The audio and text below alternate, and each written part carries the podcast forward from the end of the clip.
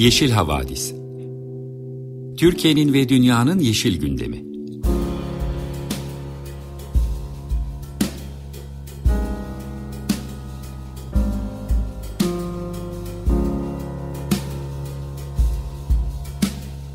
Hazırlayan ve sunanlar Selin Uğurtaş ve Savaş Çömlek.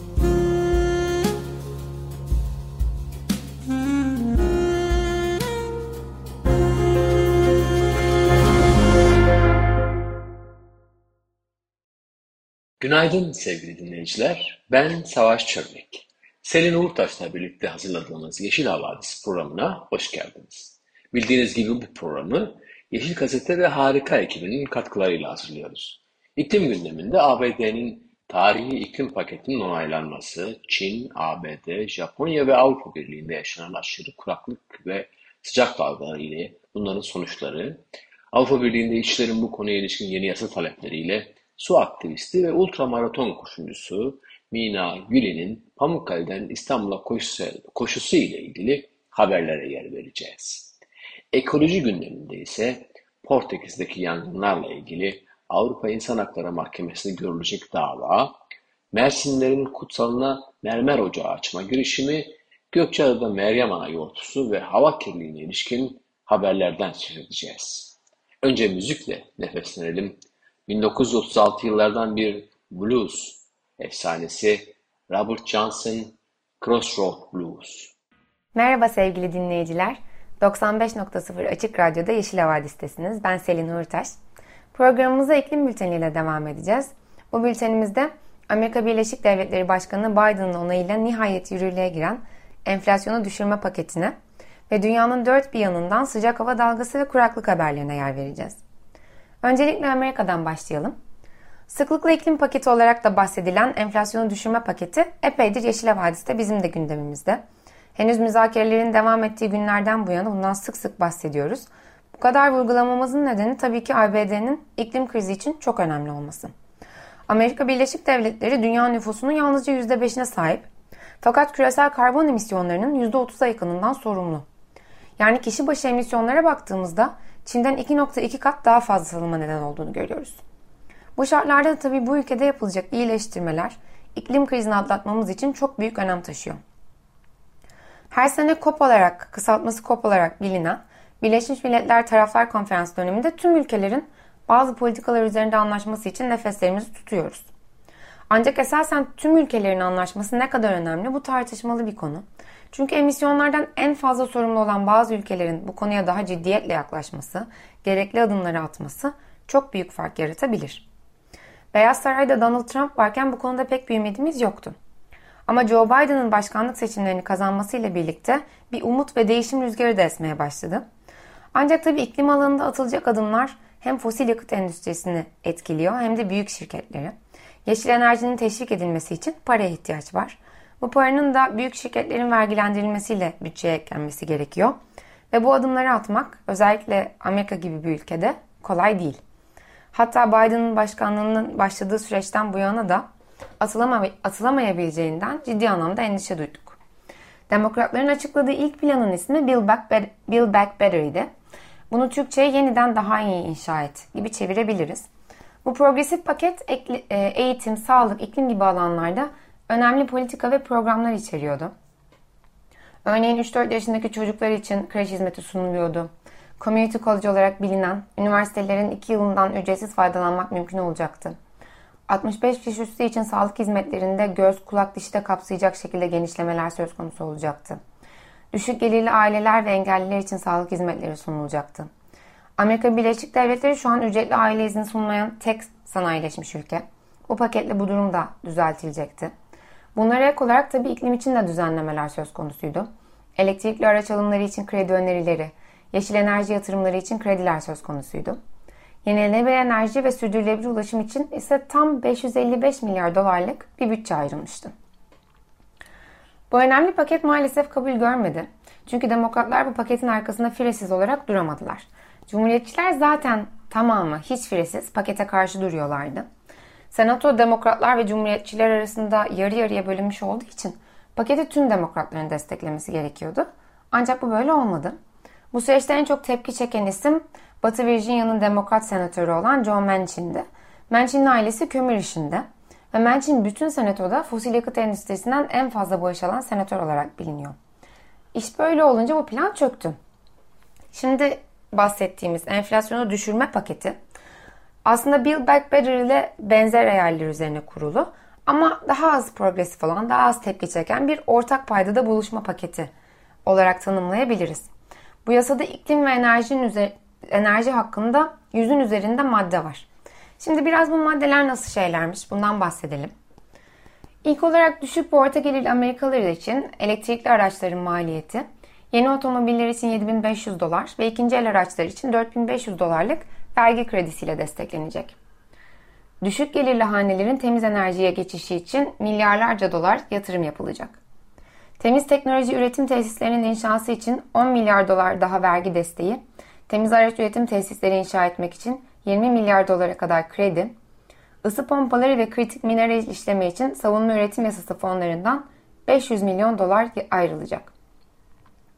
Şirketlere güneş panelleri, rüzgar türbinleri, piller üretmenin yanı sıra kritik mineralleri işlemeleri için 30 milyar dolarlık teşvik sağlanacak. Paket iklim araştırmaları için de ciddi finansman sağlıyor. İklim ve hava tahmini için yaklaşık 490 milyon dolar, yüksek performanslı bilgi işlem ekipmanı satın almak için 190 milyon dolar ve kasırga gözlemci uçak satın almak için 100 milyon dolar tahsis ediliyor. Çevre dostu jet yakıtı araştırmaları için de fon sağlanacak. İngiltere'deki Oxford Üniversitesi'nden ekonomist Brian O'Callaghan'a göre yasadan elde edilecek bütçenin büyük kısmı temiz enerji aktaracak. Kümülatif baktığımızda bu paket iklim harcamalarına önümüzdeki 10 yıl için 374 milyar dolar ayırmış oluyor. Bu tabii büyük bir meblağ ve büyük kutlamaları da neden oldu. Ancak Bloomberg'dan Aaron Clark, Amerika Birleşik Devletleri'nin bütün bu paraya rağmen hala Çin ve Avrupa Birliği'nin gerisine kaldığına dikkat çekiyor. Çin yalnızca geride bıraktığımız yılda enerji dönüşümü için 298 milyar dolar kaynak ayırdı. Avrupa Birliği'ne üye ülkelerde ise bu miktar yine 100 milyar doların üzerindeydi.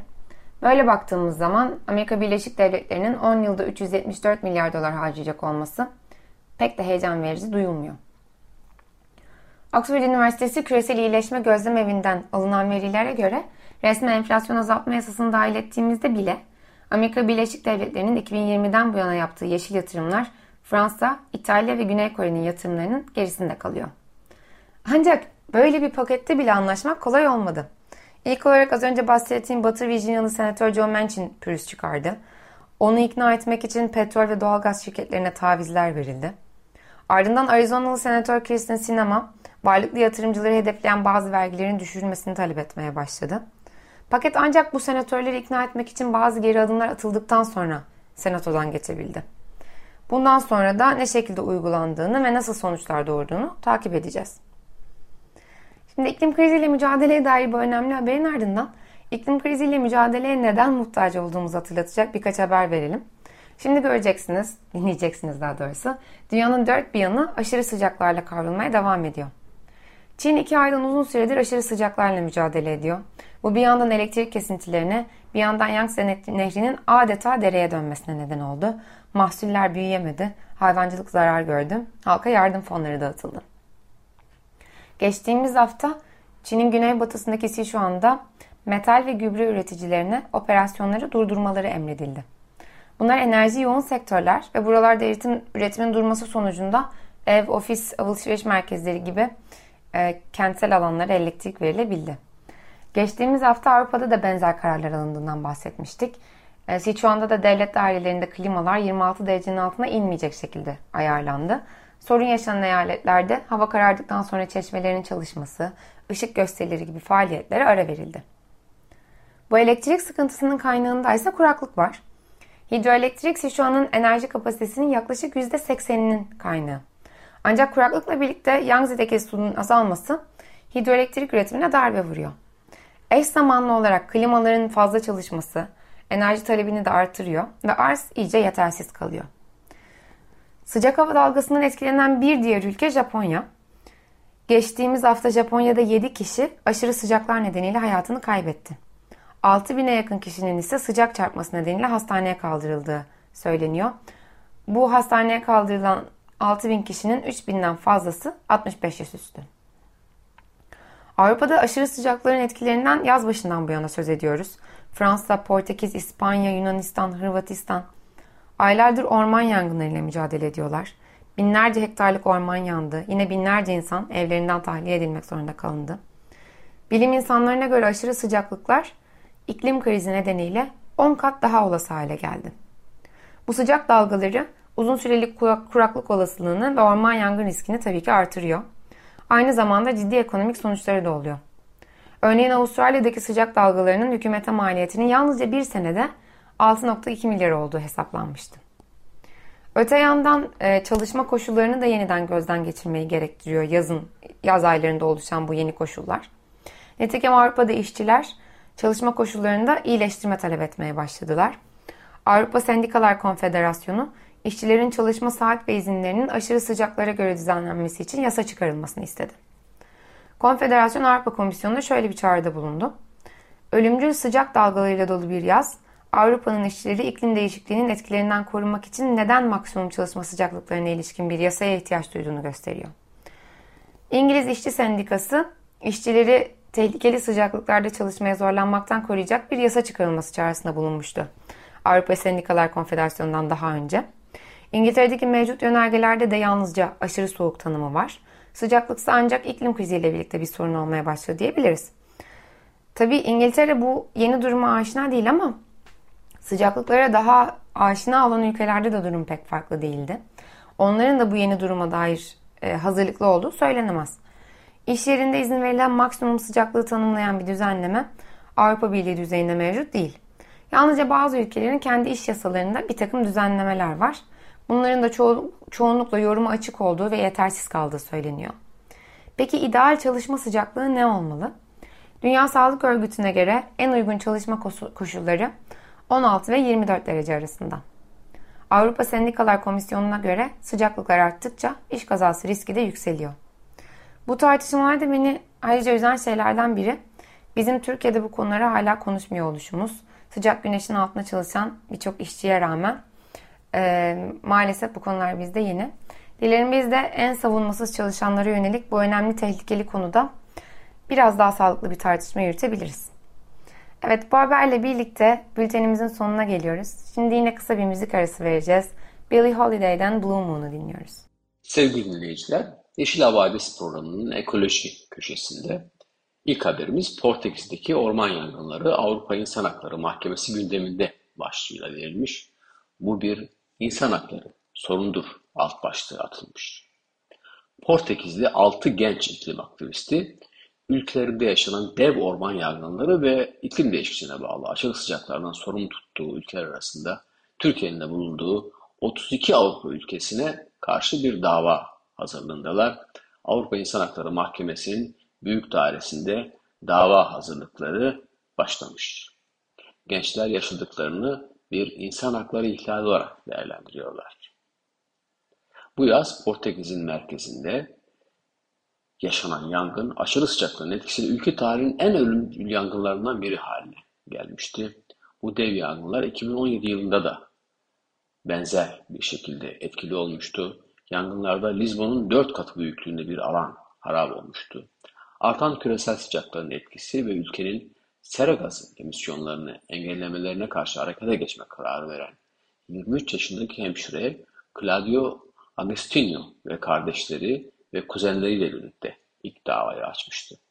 Grup 2017'den beri her yıl Portekiz'de meydana gelen orman yangınlarının küresel ısınmanın doğrudan bir sonucu olduğunu, küresel ısınmaya bağlı sıkıntıların şimdiden başladığını, sağlık sorunları yaşadıklarını, fırtınaların nedeniyle e, evlerinin zarar görme tehlikesi altında olduğunu savunarak sorunlar hakkında gereğinin yapılması için Avrupa İnsan Hakları Mahkemesi'ne başvuruyorlar. Ekoloji Bülteni'nin ikinci haberi Mersinlilerin kutsalına mermer ocağı tehdidi başlığı altında yapılmış. Mersin'in Erdemli ilçesinin önemli tarım alanlarından biri olan Sorgun Yaylası'nda hem köy yerleşimini hem bahçecilik faaliyetlerini etkileyecek mermer ocağı projesi yöre halkını tedirgin ediyor.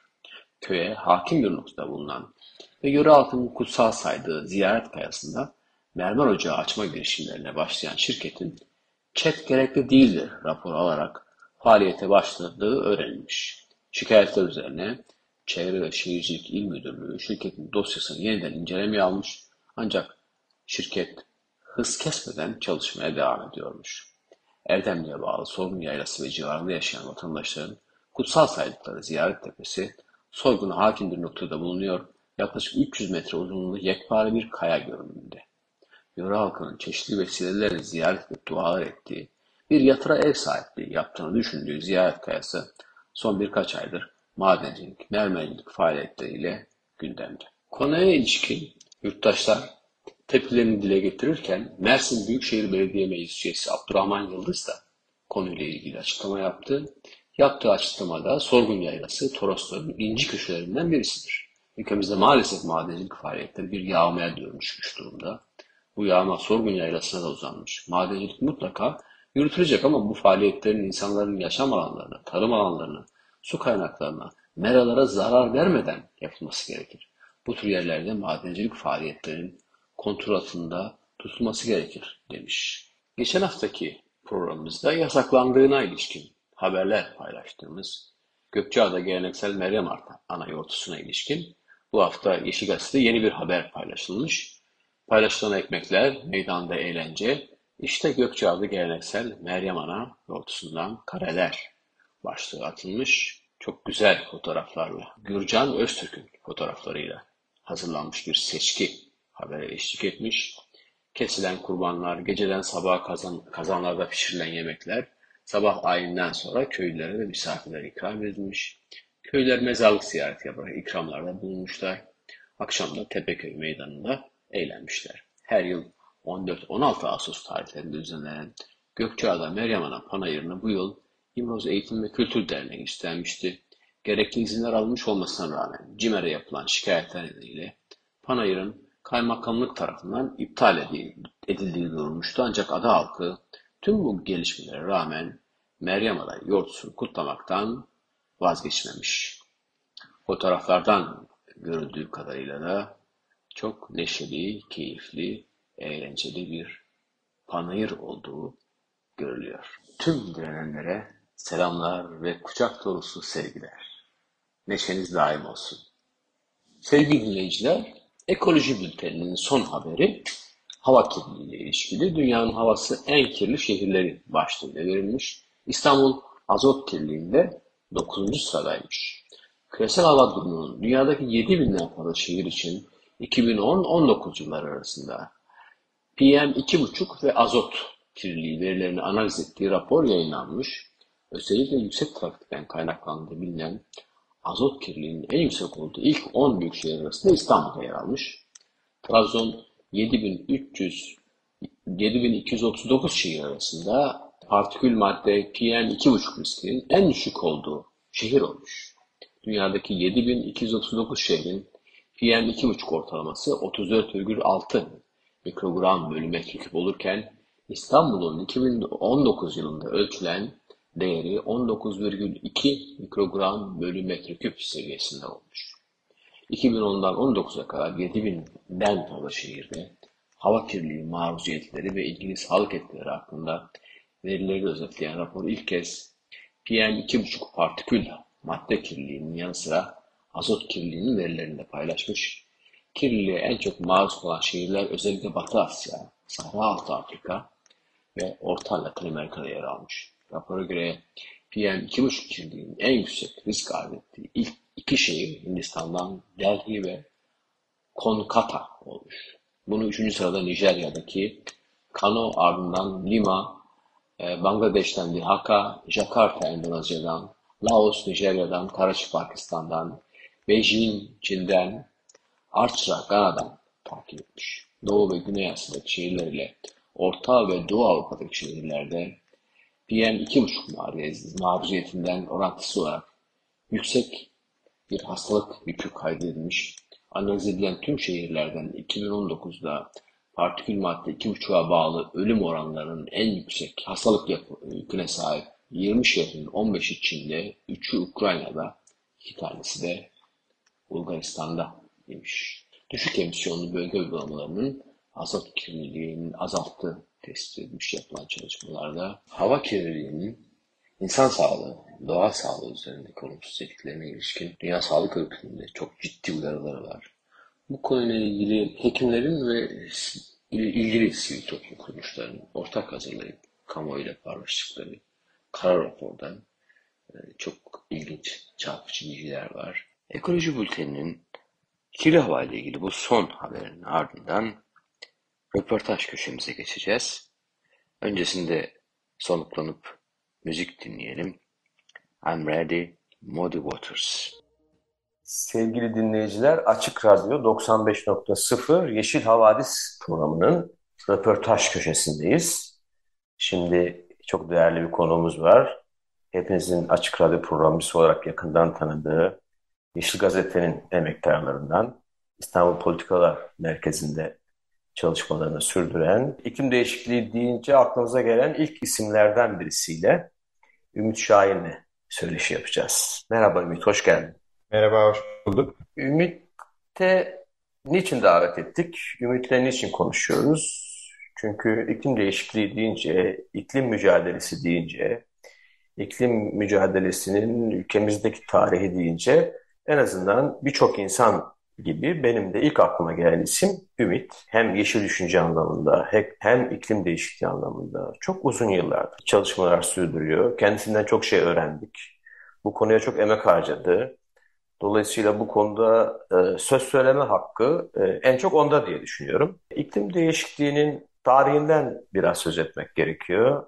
E, tarihe de bir not düşmek lazım tabii. Klasik bir cümle oldu ama dünyadaki iklim değişikliği tarihinden söz edebilir misin bize Ümit? Sonra da belki oradan da ülkemizdeki iklim mücadelesinin tarihiyle başlayalım. Biraz e, geçmişten söz edelim. Bakalım ne zaman başlamış bu işler? E, bir senden duyalım. Teşekkürler Savaş. Ee, yani iklim değişikliğinin varlığının e, or, bilinmesi çok eski tabii. Yani e, sera gazlarının sera etkisinin ortaya çıkması falan neredeyse 200 yıllık bir hikaye ama iklimin değiştiği, değişmeye başladığına dair bir konsensüsün ortaya çıkması nispeten yeni. Yani 1970'lerin sonlarıdır. Dolayısıyla ya bilim çevreleri e, atmosferdeki sera gazı seviyesinin arttığını ve e, ısınmanın başladığını çok daha önceleri biliyorlardı. Hatta 1950'lerde falan e, bu işin bayağı bir e, kamuoyunda da konuşulduğunu biliyoruz. Ama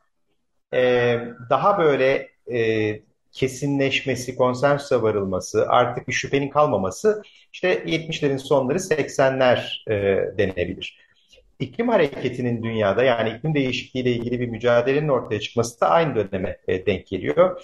Bu daha çok e, 1970'lerin başlarında ortaya çıkan artık e, küreselleşen yeşil hareketin ve genel anlamda çevre kirliliğine karşı, doğa yıkımına karşı mücadelenin bir parçası olarak önce ortaya çıktı.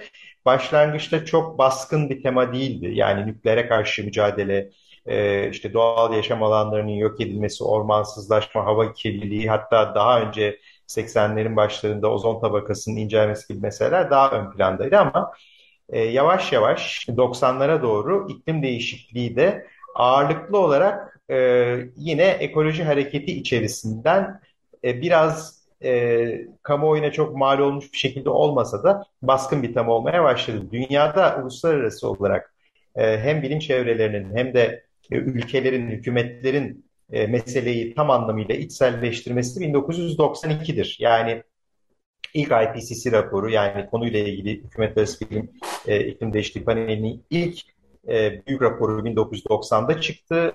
Meşhur e, bugün Paris Anlaşması'nın da bir parçası olduğu çerçeve sözleşme 1992'de yapıldı. Dolayısıyla işte 90'ların başları diyebiliriz. Yani ne olmuş? 30 seneyi geçmiş bir hikayeden bahsediyoruz. İklim değişikliğinin bilinmesinden değil ama buna karşı topyekun bir mücadeleye başlanmasından bahsediyoruz. Ve o yıllarda daha yani 80'lerin sonlarından itibaren e, emisyonların çok radikal bir şekilde düşürülmesi gerektiği ortadaydı. Bunu e, bütün bilim insanları ve e, uzmanlar ve aktivistler söylüyordu ama e, o günden bu yana e, ciddi bir adım atılmaması işte demek ki en az 30 senelik bir gecikmeyle e, karşı karşıyayız anlamına geliyor. Türkiye'ye gelecek olursak Türkiye'de e, tabii biraz daha geç e, meselenin ortaya çıkması. Yani Türkiye her ne kadar e, 1990'larda e, hükümetler, o zamanki hükümetler gerek işte e, çerçeve sözleşme için Rio'ya gerek e, 1997'de Kyoto protokolünün e, yapıldığı e, toplantıya delegelerini gönderdiler ama e, o yıllarda Türkiye iklim değişikliği çerçeve sözleşmesine taraf değildi. E, bu meşhur hikayeler işte Türkiye'nin bir gelişmiş ülke olarak görülmek istememesiyle ilgili genelde bilinir. Hikayeler nedeniyle e, taraf olmadı iki, ta ki 2004'e kadar. Dolayısıyla o yıllarda e, yani 90'larda 2000'lerin başlarında falan bu konu konuşuluyordu ama e, oldukça sınırlı bir çevrede konuşuluyordu. Burada Açık Radyo'yu özellikle anmak lazım. Açık Radyo belki iklim değişikliğinden düzenli olarak e, ısrarlı bir şekilde bahsetmeye başlayan, daha 90'lardan itibaren bahsetmeye başlayan ilk yayın kuruluşu.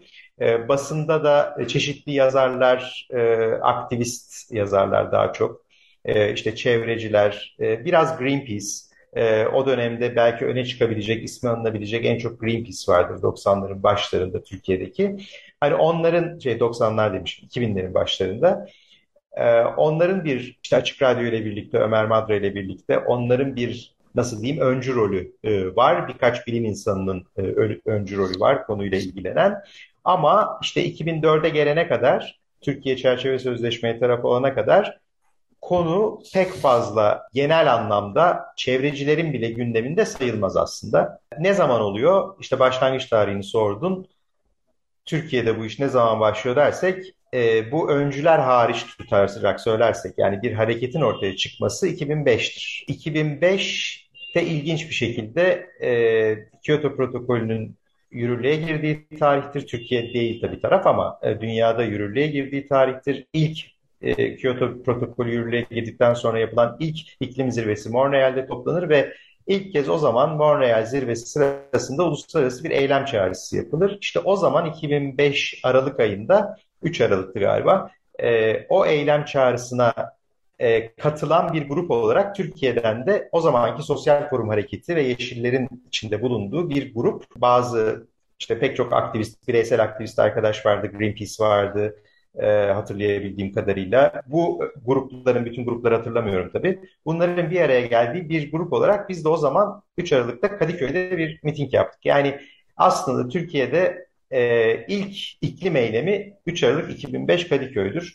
E, ondan önce yapılanlar var tabii. Daha bireysel ya da çeşitli grupların Greenpeace gibi yaptığı şeyler var ama topluca yapılan ve bir kampanya ölçeğinde yapılan ilk iklim eylemi budur. Dolayısıyla o sene bir de şunu hatırlatmak lazım. Amerika'da büyük bir Katrina kasırgası olmuştu. O Katrina kasırgasının da e, bir kamuoyunu harekete geçirme gücü olmuştu. Onun da etkisi var. Dolayısıyla hani Türkiye'de iklim hareketi ne zaman başladı diye sorarsan bir hareket olarak 2005 denebilir. Peki ben daha farklı bir yerden de bakmak istiyorum. Tabii 2006'daki bu mitingler, eylemler e, ve e, uluslararası sözleşmeler de çok e, önemli etkiye sahipti ama asıl Türkiye'deki iklim hareketinin gündeme gelmesine neden olay belki de Türkiye Yeşillerinin başını çektiği diyelim. Kyoto Anlaşması'nın imzalanmasıyla ilgili imza kampanyasıydı. E, demek doğru olur mu sence? Çünkü sen şimdi mütevazi olacaksın ve bu hikayeyi anlatmayacaksın. O yüzden ben anlatayım sana. Bu imzaları 168 bin imzayı seninle beraber trene binip Ankara'ya meclise birlikte götürmüştük. Evet. Meclis İki bavul muydu? Üç bavul muydu? Evet. evet. E, meclis komisyonundaki e, belki anılarımızı, orada olup bitenleri, hükümetin tavrını, e, meclis komisyonu başkanı'nın e, tavrını yani daha doğrusu e, deli muamelesi gördüğümüz zamanlarda o zaman. E, ancak e, o günden bugüne geldik. Evet, söz sende. Evet. Yani e, Kyoto kampanyası, o bizim Türkiye Kyoto'yu imzala kampanyasının önemli bir rolü olduğunu ben de düşünüyorum. Tabii o bir e, şeyin parçasıydı senin de hatırladığın gibi. Yani bu 2005'in aralığında başlayan hareketin, 2005'in aralığında başlamadı hareket tabii. Yani miting o zaman, ondan çok daha önce 2005 yılında başlayan hareketin bir e, devamı olabil, olarak söyleyebiliriz bunu. Çünkü e, o kampanya 2007'deydi e, ve o kampanyanın bu kadar büyümesinin nedeni e, bu kurulmuş olan işte daha sonra küresel eylem grubuna dönüşen mitingleri düzenleyen koalisyonun diyelim o grubun da e, büyüttüğü hareketin üstüne bir de Türkiye'de çok büyük bir kuraklık yaşanmasıydı. Yani 2006-2007 kışında e, e, hatırlarsın sen de kış gelmedi. Yani hiç böyle e, ceket giymeden dolaştığımız bir kıştı. Ciddi bir kuraklık vardı. Türkiye'nin yaşadığı son yıllarda yaşadığı en büyük kuraklıklardan biriydi. Dolayısıyla kamuoyunda bir ilgi oluştu. Hatta Türkiye Büyük Millet Meclisi'nde Küresel Isınma Araştırma Komisyonu kuruldu ilk kez. Yani daha Türkiye Kyoto protokolüne bile taraf değil ama meclis bir araştırma komisyonu kuruyor. Kuraklığa karşı ne yapabiliriz, iklim değişikliği nedir falan. Biz de işte bu imza kampanyasını o süreçte e, hem bu kamuoyundaki görünürlükten de yararlanarak bu e, küresel eylem grubuyla birlikte düzenlediğimiz mitinglerin de biraz e, şeyiyle aslında e, hızını arttırma amacıyla bir imza kampanyası düzenledik ve Ömer Madra da hatta e, o ilk imza kampanyasının başlattığımız basın toplantısında konuşmuştu.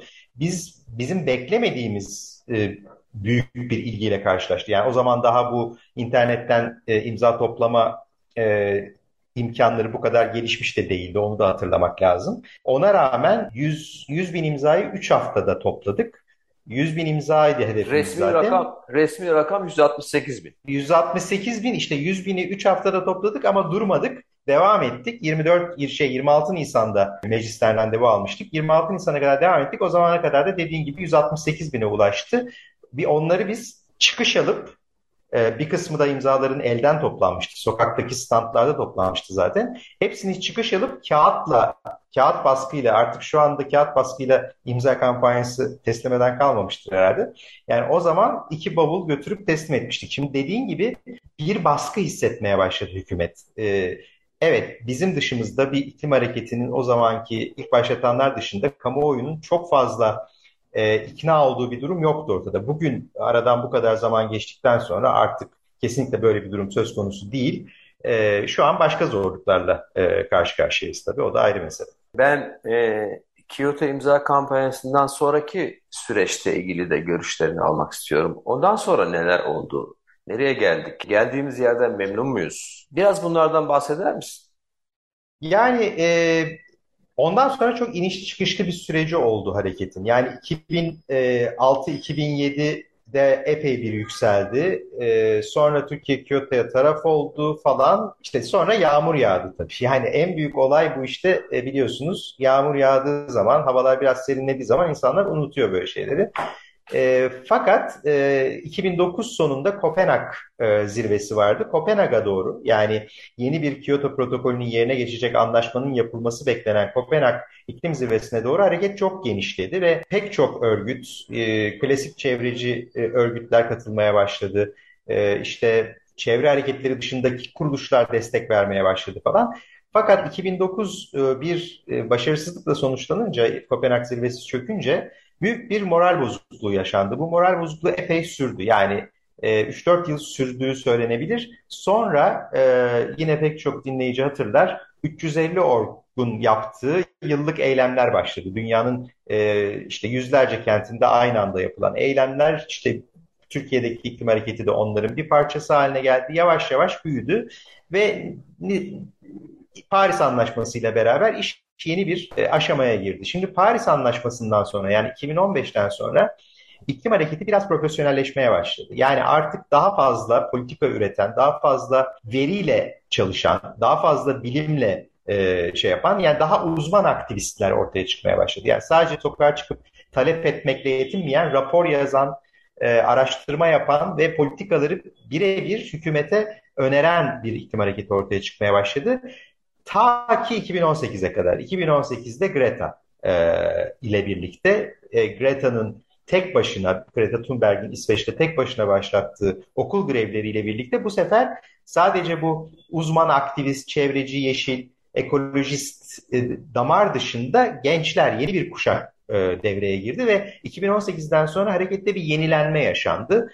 E, ben yeni kuşağın e, harekete getirdiği daha radikal e, dilin çok önemli olduğunu düşünüyorum. E, bu giderek artıyor. Gençler, çocuklar daha fazla hareketin içine girmeye başladılar ve e, bir umut ortaya çıkmaya başladı. Ama işi onlara bırakmak büyük bir haksızlık çünkü sorunu ortaya çıkaran biziz. Yani bizim kuşak, bizden önceki kuşaklar. Dolayısıyla bunu çözmesi gereken de öncelikle bizim kuşak. E, o yüzden ben hala hem bu daha profesyonel, daha uzman aktivizmle bir yandan çocukların, gençlerin ortaya çıkardığı okul grevlerinin e, ve daha radikal bir dille ortaya çıkan hareketin bir arada gitmesi gerektiğini düşünüyorum. Şu an geldiğimiz yer e, bence iyi. E, hükümet politikalarından bahsetmiyorum tabii ama e, hareketin geldiği yer e, oldukça e, güçlü sayılabilir. Yani Türkiye'de diğer sosyal hareketlerle kıyaslandığında bir miktar kendi içine kapalı olmakla birlikte yani bununla eleştirilebilir tabii. E, ama onun dışında oldukça ne dediğini bilen, oldukça ayağa yere basan e, talepleri ve e, gündemi belli bir iklim hareketi var şu anda Türkiye'de. Ümit çok teşekkür ediyoruz. Ne yazık ki süremizin sonuna geldik. 15 dakikada bu kadar konuşuluyor. Bir sonraki hafta seni tekrar konuk etmek istiyoruz. Bu konuya devam etmek gerekecek çünkü mevzu bu kadar değil aslında. Şimdilik e, çok teşekkür ediyoruz sana programımıza katıldığın için. Ben teşekkür ederim. Gelecek hafta görüşmek ümidiyle diyoruz. Görüşürüz. Çok teşekkürler. İyi yayınlar. Sevgili dinleyiciler, bugünkü programımızın sonuna geldik. Gelecek hafta görüşmek dileğiyle. Blues efsanesi Robert Johnson'ın doğum günü şerefine 6 ülkeden müzisyenlerle birlikte Cap Moon'un yer aldığı Song Around the World, Walking Blues'la veda edeceğiz.